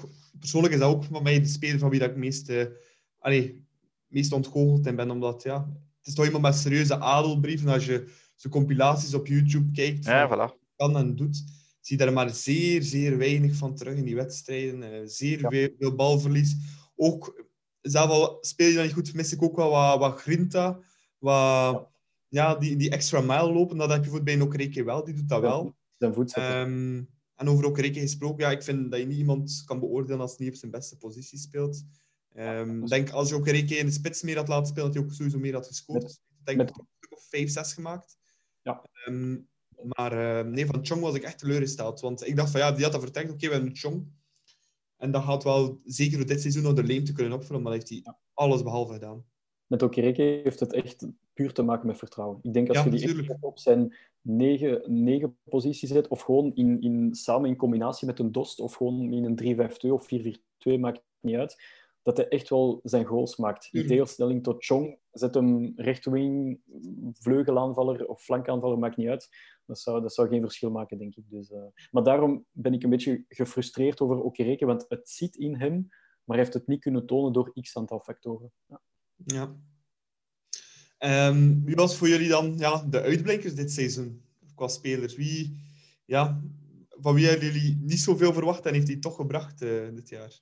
Ja, uiteindelijk, ja, uiteindelijk toch Noah Lang. Hè. Zoals ik zei, uh, hij komt aan begin oktober. Dus je denkt al van, oké, hij heeft één, geen voorbereiding meegemaakt. Uh, hij wordt aanzien in Nederland als een moeilijke jongen, moeilijk karakter. Um, en ja, dus je, je zit met heel veel vraagtekens. En, en hij wordt ook gehuurd met wel een verplichte aankoopoptie. Dus je verwacht er heel weinig van. Of, of misschien een klein beetje, want uh, oké, je denkt Feyenoord, uh, Ajax Amsterdam, dus hij heeft wel potentieel. Maar wat dat hij uiteindelijk laat zien van oktober tot, uh, tot, tot tegen Anderlecht, eergisteren of, of donderdag, ja, tart elke verbeelding. Hè. Hij was gewoon fenomenaal. Ik hoop echt dat hij subiet, we gaan misschien de, nog net zien of dat hij profvoetballer van het jaar wordt, maar Noah Lang is gewoon de absolute uitblikker bij Club Brugge dit seizoen. Zeker gezien de, de misschien iets wat lage verwachtingen die ik had begin oktober. Ja. Mhm. Nico? Ja, ja, dat is duidelijk. Hè. Noah Lang inderdaad, voor mij ook. Um, dat is de, de transfer geweest uh, om ons sterker te maken. Dus uh, dat is zonder twijfel. Wie ik ook nog wel wil vernoemen is Kosunu. Ja, um, ja die, allee, de Kosunu dat wij vorig jaar kenden, daar zeg je wel van, die kan iets. Maar dit jaar was dat achterin... Allee, pas op, ik vind Mechelen ook een fantastisch seizoen spelend. Maar Kosuno, ja, dat is toch... Je ziet echt... Dat is de rots in de branding achteraan. En dat heeft hij in de playoffs ook meermaals bewezen. Um, ja, dat is, is, heel veel progressie gemaakt, vind ik, op, op, op een ampere jaar tijd. Dus uh, dat is voor mij ook wel zeker in de, in de top drie van uh, spelers van het seizoen. Ja, ik ga daar volledig mee akkoord. Want ook als je Kosuno ziet in die um, ja, Champions League ook bijvoorbeeld, waarin hij bijna elke match gespeeld heeft. Het aantal duels dat hij wint, dat is, dat is fenomenaal. En nu in de playoffs bijvoorbeeld die match op Antwerpen. Uh, en thuis tegen Antwerpen was, was niet normaal. Ja. Odilon ja. Kosuno uh, vreet daar alles aan iedereen op. Ook gisteren tegen Genk was hij ook bij de absolute betere spelers. Ja. Um, ja, dan vind ik het ook niet abnormaal dat er ploegen als uh, Arsenal genoemd worden om hem te komen halen. Die kunnen misschien wel zo iemand gebruiken uh, ik denk dat hij beter is dan David Luiz op dit moment. Nee, dus ik heb, ik heb altijd gezegd bij Kosunu, als hij die flater... Want hij, doet, hij deed uh, in het verleden uh, één flater per wedstrijd. En ik dacht altijd bij mijn eigen, als hij nu die flater ook weghaalt uit zijn wedstrijd, dan is hij helemaal klaar om, om te heersen in de Premier League of in de Bundesliga, maakt ja. niet uit. En als je zijn play-offs ziet, en vooral met die, met die ja, specifieke wedstrijd thuis tegen Antwerpen, dat hij gewoon alles eruit haalt en, en Mignolet enorm helpt, dan, dan egoïstisch denkend wil ik dat hij nog een jaar blijft om te bevestigen. Maar ik denk echt wel dat hij uiteindelijk toch wel klaar is om die stap te zetten. Want ook al is hij nog heel jong... Uh, heeft ongelooflijk potentie. Dat is potentie, een beetje alle, ik denk dat ik kan vergelijken met Koulibaly destijds. Ja, Dat is een beetje hetzelfde, denk ik. En, en, en, die, en die, die ook, hè, een beetje dezelfde rangorde van oké, okay, hij speelt alles kapot, maar je voelt ook dat hij gewoon matuur... Ik had, eh, want we waren gisteren in het stadion, Nicola, het was, we zien hem heel vaak op televisie, maar toen we hem nog even konden live konden mee, meemaken, gisteren in het stadion, dan heb je ook wel het gevoel van wauw, de Kosunu die ik zag tegen Bever in het begin van het seizoen en vorig seizoen, dat heeft niks te maken met de Kosunu dat we, dat we eigenlijk gisteren hebben gezien. Dus ik denk echt wel dat hij klaar is. En als er geen boden komen deze zomer op Kosunu, dan zou ik het ook totaal niet begrijpen. Ja. Nee, nee die, die, is klaar. En dat is ook het perfecte profiel voor een, uh, voor een centrale verdediger. Hè. Uh, Kosunu, alleen voor de moderne, moderne centrale verdediger, snel, sterk, kan uitvoetballen. Uh, heeft er ook, ik weet niet meer welke match dat was, ja, jong inderdaad, dat hij ook nog een keer uh, vijf man dribbelt en een assist geeft. Ik weet niet welke match dat was. Ja, tegen de thuis tegen Moeskroen. Ja, voilà, ja. dus hij heeft het allemaal, kan ook, kan ook scoren. Allee, heeft hij niet heel veel gedaan, maar bon. Um, en hij speelt alles, hè? Om te maken, hè. Ja, alles. Hij, hij is nooit en ook, nee. en ook het kopje dat mee zit. Hij heeft daar één interview gegeven. Ik denk ja, dat het ja. Antwerp was. Ik heb nog nooit zo'n braaf man horen praten als uh, ja. Zo'n zachte stem. Je had een beetje hetzelfde gevoel als bij Unwatch. Hij ziet er heel fel en agressief uit. En dan hoor je hem na de wedstrijd en denk je van... Amai, dat is een heel zachte vent. Ja, teddybeer. Teddybeer. Ja, teddybeer. Ja. voilà. Um, ja, club twee jaar op rij kampioen. Vonden jullie de ploeg van vorig jaar sterker dan die van dit jaar? Als je de twee ploegen tegen elkaar zou laten voetballen? Um, ik, sterker, dat weet ik niet. Ik denk wel veelzijdiger. Um, omdat je nu hebt zo iemand als Lang die zo maar één flits het verschil kan maken. Ik, ik tel Diatta er ook nog even bij. Gaat zijn snelheid van, van, van Diatta. Gaat met Bas Dost uh, een grote hebben voorin, waardoor dat je automatisch ook wat meer mogelijkheden hebt. Terwijl we verleden jaar, um, ik zeg niet dat we minder sterk waren, maar toen was het vooral meer gericht op snelheid. Hè. Toen mm. hadden we Dennis, we hadden Diatta, we hadden Percy Tau. Dus dat was meer, veel meer van een beetje van hetzelfde. Zo. Ja. Um, allee. Wel een baaie diagne, hè? Ja, ja, dat is waar. Ja, oh ja, maar ja, die heeft uiteindelijk ook niet veel gespeeld. Maar ik vond, ja, ik vind dat we dit jaar gewoon meer, in, puur als je de basisploeg bekijkt, um, dat we veelzijdiger waren. Anderzijds vond ik wel dat we verleden jaar, als we iemand lieten invallen, dat dat, dat, dat dikwijls eh, beter uitrijden of dat we meer mogelijkheden hadden dan, dan, dan dit jaar. Ofwel waren dit jaar invallers soms uh, gebrek aan vertrouwen, zoals een Okereke, um, zoals een, een, een Chong, die dan ook niks bijbrengt. Uh, van dat was een beetje te veel. Terwijl het jaar ervoor, uh, dan viel soms Percy Tuin een keer in. Zien we schrijvers die, die toen ook nog geregeld wel goed deed. Dus ja, ik vond qua kern. Um, vond ik het allee, vorig jaar precies, hadden we precies wel meer mogelijkheden om iets uh, om allee, een evenwaardige speler in te brengen. Ja. ja. Oké. Okay. Um, ehm, als jullie cijfers zouden moeten plakken op dit seizoen, hoeveel op 10 beker, Europees, kampioenstitel, Matthias? 8 op 10. Ik vind een, een ploeg die capabel is om zichzelf op te volgen uh, als kampioen, verdient gewoon een, een puntje extra. Want zoals we zeiden daarnet, 43 jaar geleden met, met Happel. Dus, dus dit, dit is gewoon een dikke pluim aan Clement en staf en, en spelers. Dus echt chapeau ervoor. Dus daarvoor al echt, echt uh, ongelooflijke onderscheiding. Um, en de Champions League, uh, we hebben het toch getoond, op een, op een haar na, op een paar centimeters na, zaten wij in de, in de achtste finale van de Champions League. En de beker, ja, dat was een debacle tegen, tegen Standaard, een wedstrijd om snel te vergeten. Um, dus een welverdiende 8 op 10, vind ik. Ja. Nico? Ja, ik, uh, ik ga ermee akkoord. Ik geef ook een 8. Hadden ze uh, de play-offs misschien nog iets beter uh, gespeeld, van wat overtuigend, wat meer overwinningen, rapper zekerheid, had ik ze nog iets meer gegeven. En inderdaad in de Champions League of zo. Maar ik vind, globaal gezien, vind ik 8 op 10 een logisch cijfer. Ja, ik ga me daar ook volledig bij aansluiten. volgens de argumenten die jullie hebben gegeven ook. Nu, het ene seizoen is allemaal net afgelopen en we kunnen toch al ook een klein beetje vooruitblikken naar wat komen zal. De eerste belangrijke vraag natuurlijk. Uh, Matthias, Philippe Clement, is die nog onze trainer volgend jaar of niet? En zo niet, wie moet hem vervangen? Ik kan jou misschien een beter antwoord geven binnen een uurtje na extra time aflevering met, met Manhart. Uh, nee, ik had al gezegd voor de play-offs, um, er is in mijn opinie weinig kans dat hij blijft. Als hij kampioen speelt, dan gaat hem geen vier keer na elkaar of drie keer na elkaar kampioen zo met club. En dan vrees ik voor een, eh, een, een, een triestige echtscheiding tussen club en Clément in oktober, november. Want dat is eigenlijk het risico dat je loopt. Um, en als hij geen kampioen speelt, ja, dan ligt hij buiten. Dat staat vast, want dan is er een groot probleem. Um, ik heb ook een beetje het gevoel dat het opzit tussen bestuurspelers en Clément zelf. Ook al is het niet na het feestgedruis, et cetera, dan denk je van oké, masterclass, tactische meesterzet op Anderlecht. Uh, alle spelers die samenhangen en Clement er ook bij. Dus, maar dat zet ik misschien meer op het moment zelf. Uh, maar ik denk dat club toe is aan een nieuwe coach. En zoals eigenlijk Verhagen het heel mooi heeft verwoord, uh, club heeft titels behaald met drie verschillende coaches op drie verschillende manieren. Predom, Leco en Clement. Dus ik denk stop op een hoogtepunt en, en misschien tijd voor iemand anders volgend seizoen. Dat is mijn mening. Ja. Nico, sluit je daarbij aan? Ja, ja helemaal. Um, ik heb vorige uh, aflevering ook al gezegd, chapeau voor wat Clement allemaal bij ons al gedaan heeft. Um, maar het is zo dat er ook allee, dat er soms wat verzadiging kan, uh, kan komen. Uh, dat soms een nieuw elan ook een keer kan, kan iets opleveren.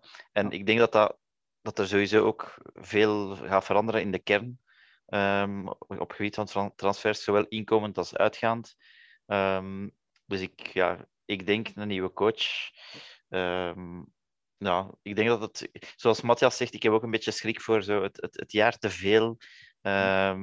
en ik, ik zou, allez, ik gun Clément dan ook wel dat hem nu een hogere stap kan zetten dan dat het eventueel zou mislopen en dat dan in een slecht afscheid, uh, een slecht afscheid zou worden bij club. Het is, ook, dus... het, is ook, het is ook het moment voor Clement om die stap te zetten. Ja, ik denk het wel. En ik denk, ik denk hij zal... Allee, normaal gezien zal er nu wel een aanbieding komen, denk ik, als je drie jaar op rij kampioen wordt in België. En ja, in zijn plaats zou ik het denk ik ook wel doen. Ja, ik denk ook voor Clement dat voor hem ook belangrijk is. Allee, hij is ook een echte clubman, dat heeft hij al genoeg getoond en gedaan. Als speler, als, als trainer, dat het ook belangrijk is voor hem om door de grote poort te kunnen vertrekken. Als hij nu vertrekt, dan is hij ja, de man die club twee keer na elkaar heeft kampioen maken na zoveel jaar drie titels op rij in België heeft gepakt. Ehm, ik denk dat dat voor hem ook wel meespeelt. Want hij is ook zowel bij Beveren als bij Genk op een hoogtepunt vertrokken. Waar dat hij ja. het gevoel had van ja, hier kan ik eigenlijk niet veel meer beter doen. En ik denk dat dat ook het geval is bij Club op dit moment. Dus ik denk dat daarom ja, voor hem misschien ook wel de verstandige keuze is om dat te doen. Want zoals Matthias zegt, ja, als dan nu in uh, november of december ja, ineens de resultaten minder zijn en ja, de volgende ontslag, ja, dan worden die twee titels ja, ja. serieus niet gedaan. Hè. Dus ik denk voor hemzelf en voor een, zijn opinie binnen alles wat blauw-zwart is, als hij nu vertrekt, dat is, dat is perfect, perfect afgesloten. En ik denk dat club ook gewoon de ploeg, spelers, de bestuur en iedereen klaar is ook voor, voor een keer een, een nieuwe wind daardoor te hebben. Uh, met alle respect voor wat Clement gedaan heeft, uiteraard. Want uh, ja, hij heeft super werk geleverd. Dat is wel het minste dat ik kan zeggen. Hè. Ja. ja. Maar uh, wie moet hem opvolgen? dat is wel... Nico, ja? ik, laat jou, ik, ik, ik laat jou een antwoord. uh, ik weet uh, al wat jij, wat jij gaat zeggen, Matthias. Moet, het iemand bekend zijn? Moet het iemand zijn die veel ervaring heeft, die nog niet veel ervaring heeft? een internationale naam of, of juist niet? ik, vind dat heel, ja, ik vind dat heel moeilijk om te zeggen. Want ehm, ik herinner mij toen dat Leco werd aangesteld, was dat toen ook allemaal de hele tijd grote namen die de revue passeerden waar we zeiden, oh, die wordt het aan. Ja, hij wordt het niet. En uiteindelijk uh, verrast club dan met Leco aan te stellen, die eigenlijk als trainer alleen nog niet echt heel veel had bewezen. Um, dus da daaraan is het ook duidelijk dat het daarom niet echt moest, iemand zijn die al ik weet niet wat bewezen heeft, maar ja, wel iemand met een, met een idee die aanvallend wil spelen, graag natuurlijk. Dat zal bij club moeten passen. Dat heel goed in de strategie past van club. Um, maar om daar echt een naam op te plakken, dat vind ik wel heel moeilijk. Ik, ben, ik, ik heb echt geen idee wat dat club zelf ook wilt. Um, Clement had ondertussen al, al een beetje meer ervaring, toch? Um, ik hoop gewoon dat het geen, geen zaag wordt of zo. Uh, allee, ik vond... Een beetje uh, jong en dynamisch iemand. Ja, maar ook allee, voor de camera zo niet te veel. Want dat, dat, allee, dat steurde mij soms bij Predom wel een beetje. En bij Jackie Matthijs in een tijd. Zo, dat, dat memmeren voor de, voor de camera. En, ja, dat hoop ik dat het niet wordt. Ja, maar als je moet kiezen tussen de, de laatste drie coaches die we hadden. Leco, Predom, Clement. Op, op wie zou die het meeste moeten trekken qua profiel? Uh, maar Matthias, Matthias zit met zijn handen in de Wat denk je dat ik, wat, dat ik ging zeggen? Nee, nee, ik, ik, deed teken aan Nico van zeg naam nummer één. ja, wat denk je dat ik ga zeggen, Nicola? Je weet het denk ik wel dat ik ga zeggen. Hè? Ja, Leco. Ja, Leco, ja. Ik vond het voetbal onder Leco, vond ik... Ja. En ook, ja, die, die straalde zoveel passie uit, grinta. Um, ja, ik weet niet. Die Kunnen ze dat iets... terughalen? Is dat geen optie? Dat denk nee. ik niet. Dat nee. zou ik niet doen. Dus, ik, ik, ik ben van mening dat je, dat je moet gaan voor een type Leco, maar dan wel een Leco misschien met iets meer maturiteit dan toen hij bij Club aankwam. En uiteindelijk 100% eens met Nico. Ik ben, ik ben een on, on, ongelooflijke fan van Leco, maar hij ging toch vaak in de clinch met het bestuur. En om goed te functioneren bij Club moet je en de spelers goed kunnen people managen, maar moet je ook een heel goede verstandhouding opbouwen doorheen de jaren met Manaert en Vragen. En dat was soms moeilijker met Leko, want dat is een vierde Kroaat, die soms botste met, met, uh, met, uh, met de gevoelens of met de denkwijze van, van het bestuur. Uh, dus daar moet je soms een klein beetje mee opletten. Dus ik zou gaan voor een Leko-stijl en dan denk ik inderdaad aan zo die, die jongere generatie in Duitsland. Niet, niet per se een blessing of zo, maar gewoon een, een ja, jonge, dynamische gast die, die een, een top voetbalfilosofie heeft, vooral aanvallend, zoals Nico zei. En die, um, die ook goed staat voor de camera. Want zoals je zei, soms... We hebben al coaches meegemaakt. Ik denk aan George Lekens ook. Eh, die zijn we ook vergeten. Maar soms dacht ik van... Goh.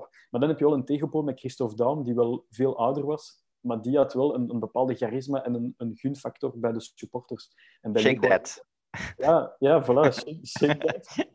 Maar uh, nee, ik denk dat, dat uh, Leco had heel veel uh, goodwill bij de supporters, omdat wij als supporters hadden een beetje hetzelfde DNA als, als Leco die het overbracht aan de spelers. En die 3-5-2 in zijn eerste jaar, dat heb ik, ja, dat was gewoon ongezien voetbal. Uh, dat was sinds... Is dat de twee jaar nog beter, hè? Met die play-offs daar.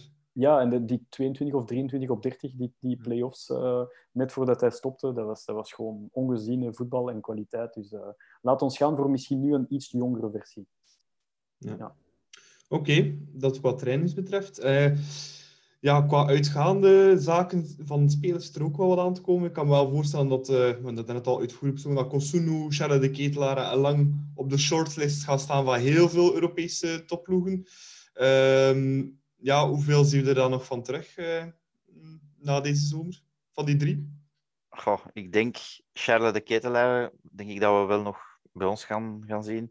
Um, ik denk dat zijn entourage ook slim genoeg is om te zeggen van blijf nog een beetje bij, bij club, nog een beetje bevestigen toch.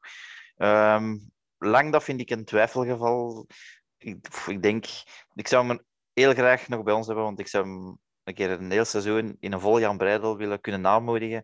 Uh, maar ja, als ik dan hoor de interesse van Leeds, als die echt met een deftig bod gaan komen, dan, ja, dan zal hem onuitbaar worden, vrees ik. Uh, het, ja, voordeel, wat dan misschien voor hem minder goed nieuws is, dat hij nu een lichte ble Allee, een blessure heeft en niet aan TK kan deelnemen. Met Oranje heb ik gezien. Ja. Um, dat kan misschien in ons voordeel spelen. Dat als hij daar niet, uit, niet te veel kan uitblinken, dat hij toch misschien bij ons zal blijven. Ik weet het niet.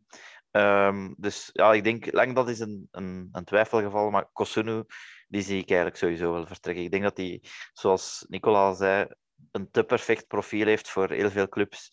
Dus ik denk dat we die wel gaan kwijt zijn.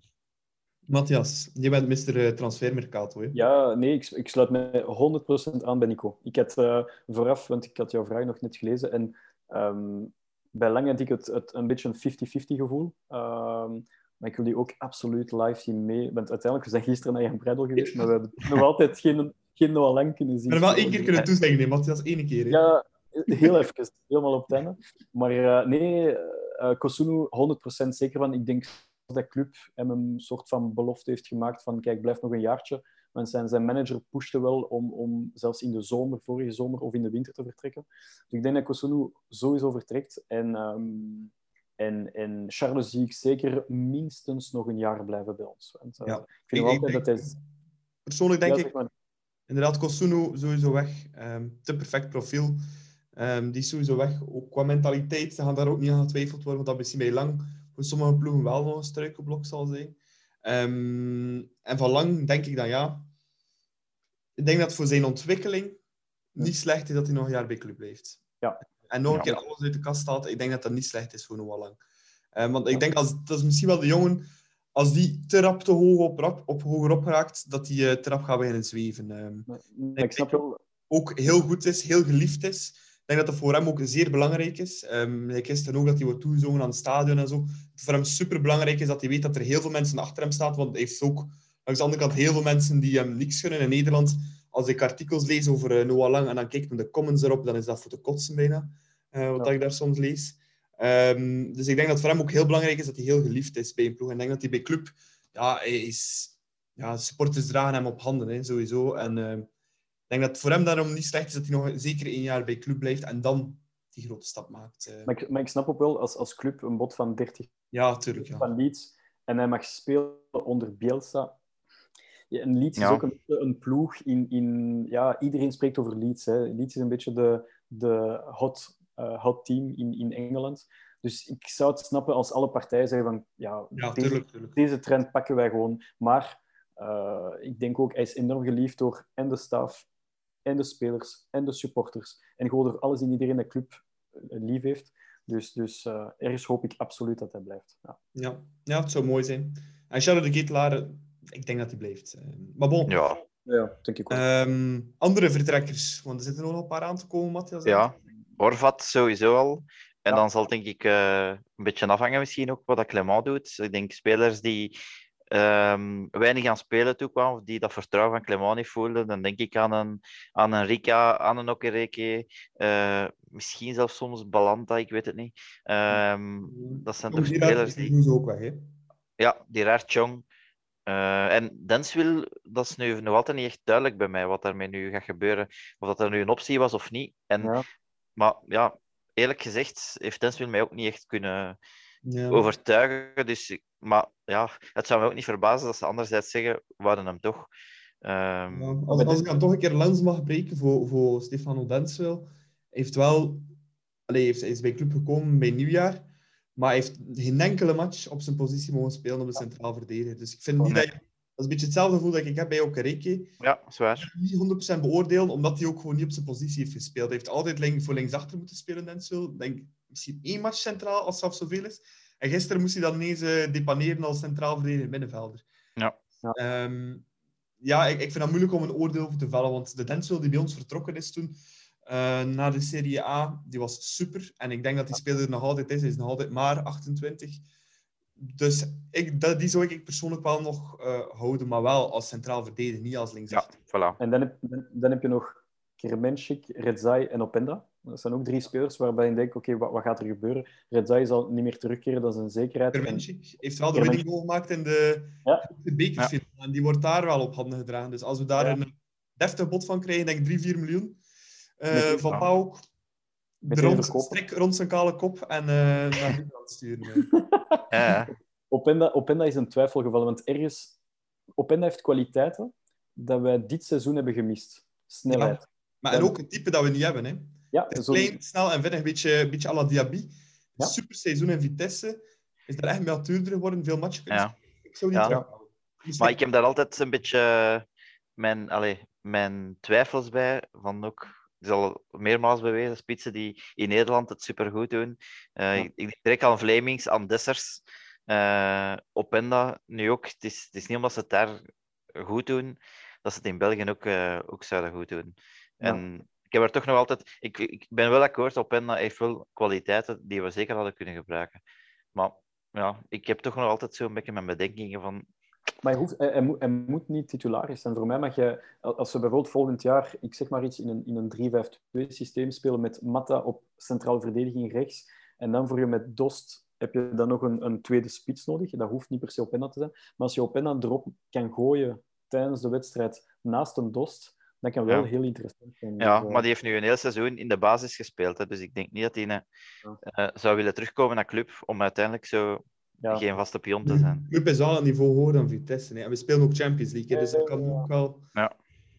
Bij, ons, bij ons is hij niet titularis, hè. Dat, is, dat, is een, dat is een feit.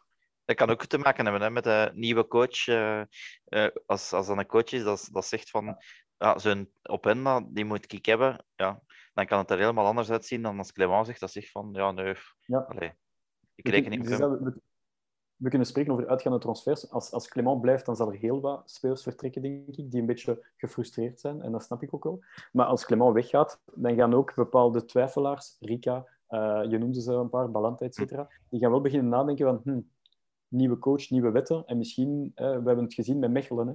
Mechelen werd helemaal naast de ploes gezet bij, bij, bij Predom.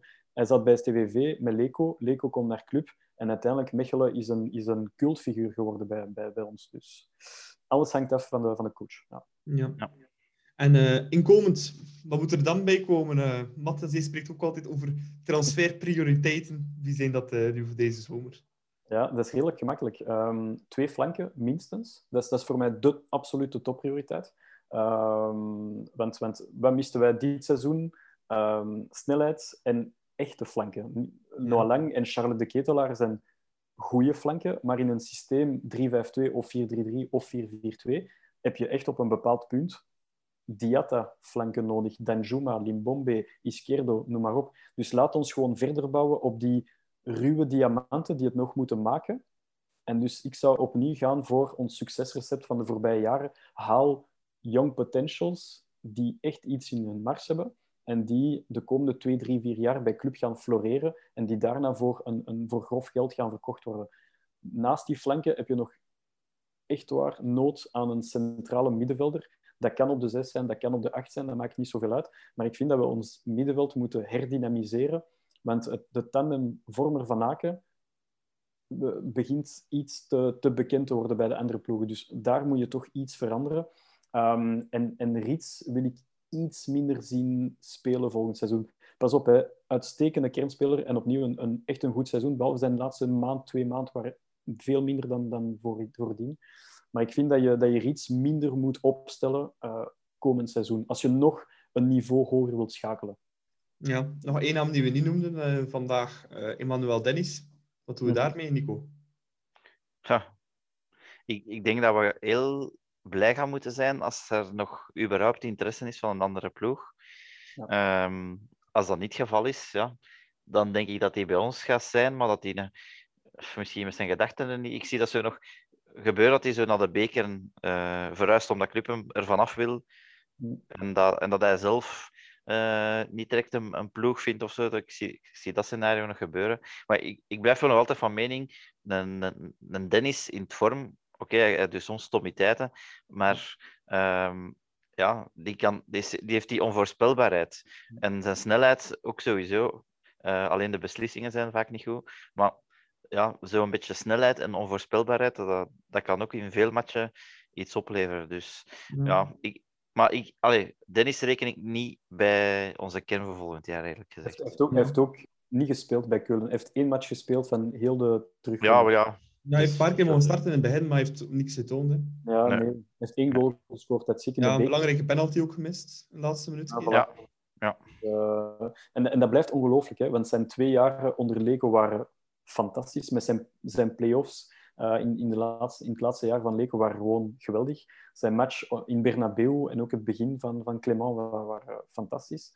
Maar wat er nadien is gekomen, dat is, dat is heel spijtig. En uiteindelijk hadden wij die moeten verkopen op het goede moment. En nu zit je daar met een Dennis. En als je daar 6, 7, 8 miljoen voor krijgt, dan is het al heel veel. Terwijl dat we die eigenlijk voor minstens 15 hadden kunnen verkopen. Dus uh, ja. spijtig. Ja. ja, een laatste vraag voor deze aflevering, voor dit seizoen. Wanneer gaan we terug met z'n allen naar Jan Breidel kunnen gaan, Nico? Zit het er snel aan te komen? Ik, ik hoop op september. Uh, ik denk, augustus gaat volgens mij nog te vroeg zijn. Um, dus ik, ik hoop echt op september. Te, en dat zal dan nog met uh, maatregelen zijn, denk ik. Um, maar ik hoop toch dat het, uh, dat het niet veel later is als, als dan in elk geval. Matthias, doen we in november of december een Europese away als het kan? Ja, dat doen we sowieso. Nee, nee, maar ik denk ook, zoals Nico, september zijn we terug met z'n bijna allen, denk ik met maatregelen, met masker, denk ik ook. Um, maar, uh, maar vanaf november, december, dan, dan is het helemaal los, hoop ik. Ja. En ik terug een kerstfeestje met allemaal kerstmissen op. Ja, gezellig. voilà. Oké, okay, dat was het dan voor uh, dit seizoen voor de klokken. We hebben uh, 23 uh, afleveringen gemaakt dit seizoen. En ook, uh, Mooi getal, hè? Ja, hoe symbolisch kan het zijn? nee, en uh, ook volgend seizoen gaan we er uh, terug volledig tegenaan gaan. Opnieuw met Nico, opnieuw met Matthias. Ook met uh, nieuwe gasten erbij. Ik wil ook graag alle gasten die gepasseerd zijn, ja, het zijn er heel veel geweest, allemaal bedanken voor erbij te zijn, voor een leuke mening te geven. Uiteraard wil ik ook in het bijzonder dan Nico bedanken voor alle afleveringen, alle toelichtingen, alle uren, alle WhatsApp-berichtjes. Ja, dus heel graag gedaan. Ik, ben, ik was vereerd om, uh, om erbij te zijn en uh, ik doe het heel graag. Dus uh, ik hoop dat we volgend jaar nog eens zo'n topjaar kunnen hebben met een eindejaarsaflevering waarin dat we zeggen waar we het kampioenschap behaald hebben. Dat zou perfect zijn. Ja, ja. Dat mag zeker een gewoonte zijn. Ja, ja voilà. Ja. En ook Matthias, uiteraard super bedankt voor dit seizoen opnieuw bij te zijn. Uh, ja, ik hoop dat je het ziet zitten om volgend jaar er nog een keer bij te zijn. Het was ook uh, super plezant om je erbij te hebben. Altijd je transfer, uh, mercato, inzichten te delen met ons.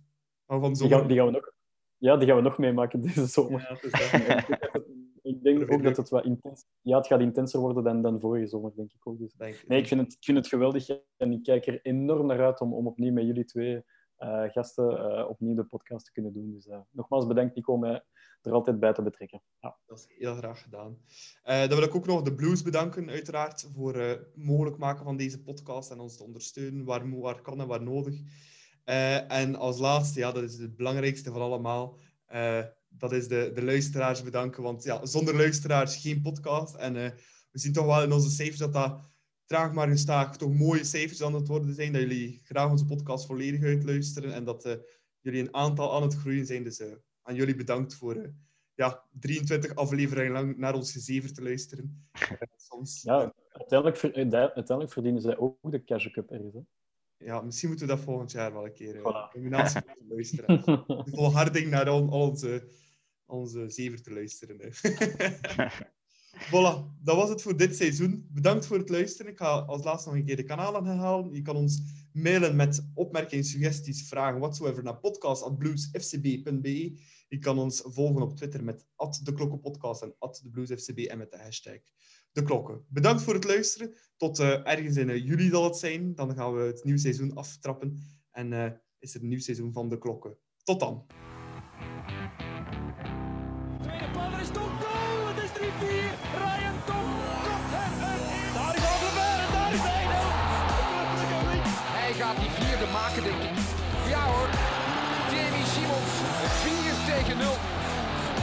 Kansen gezegend. Refailov nu. De goal van Refailov.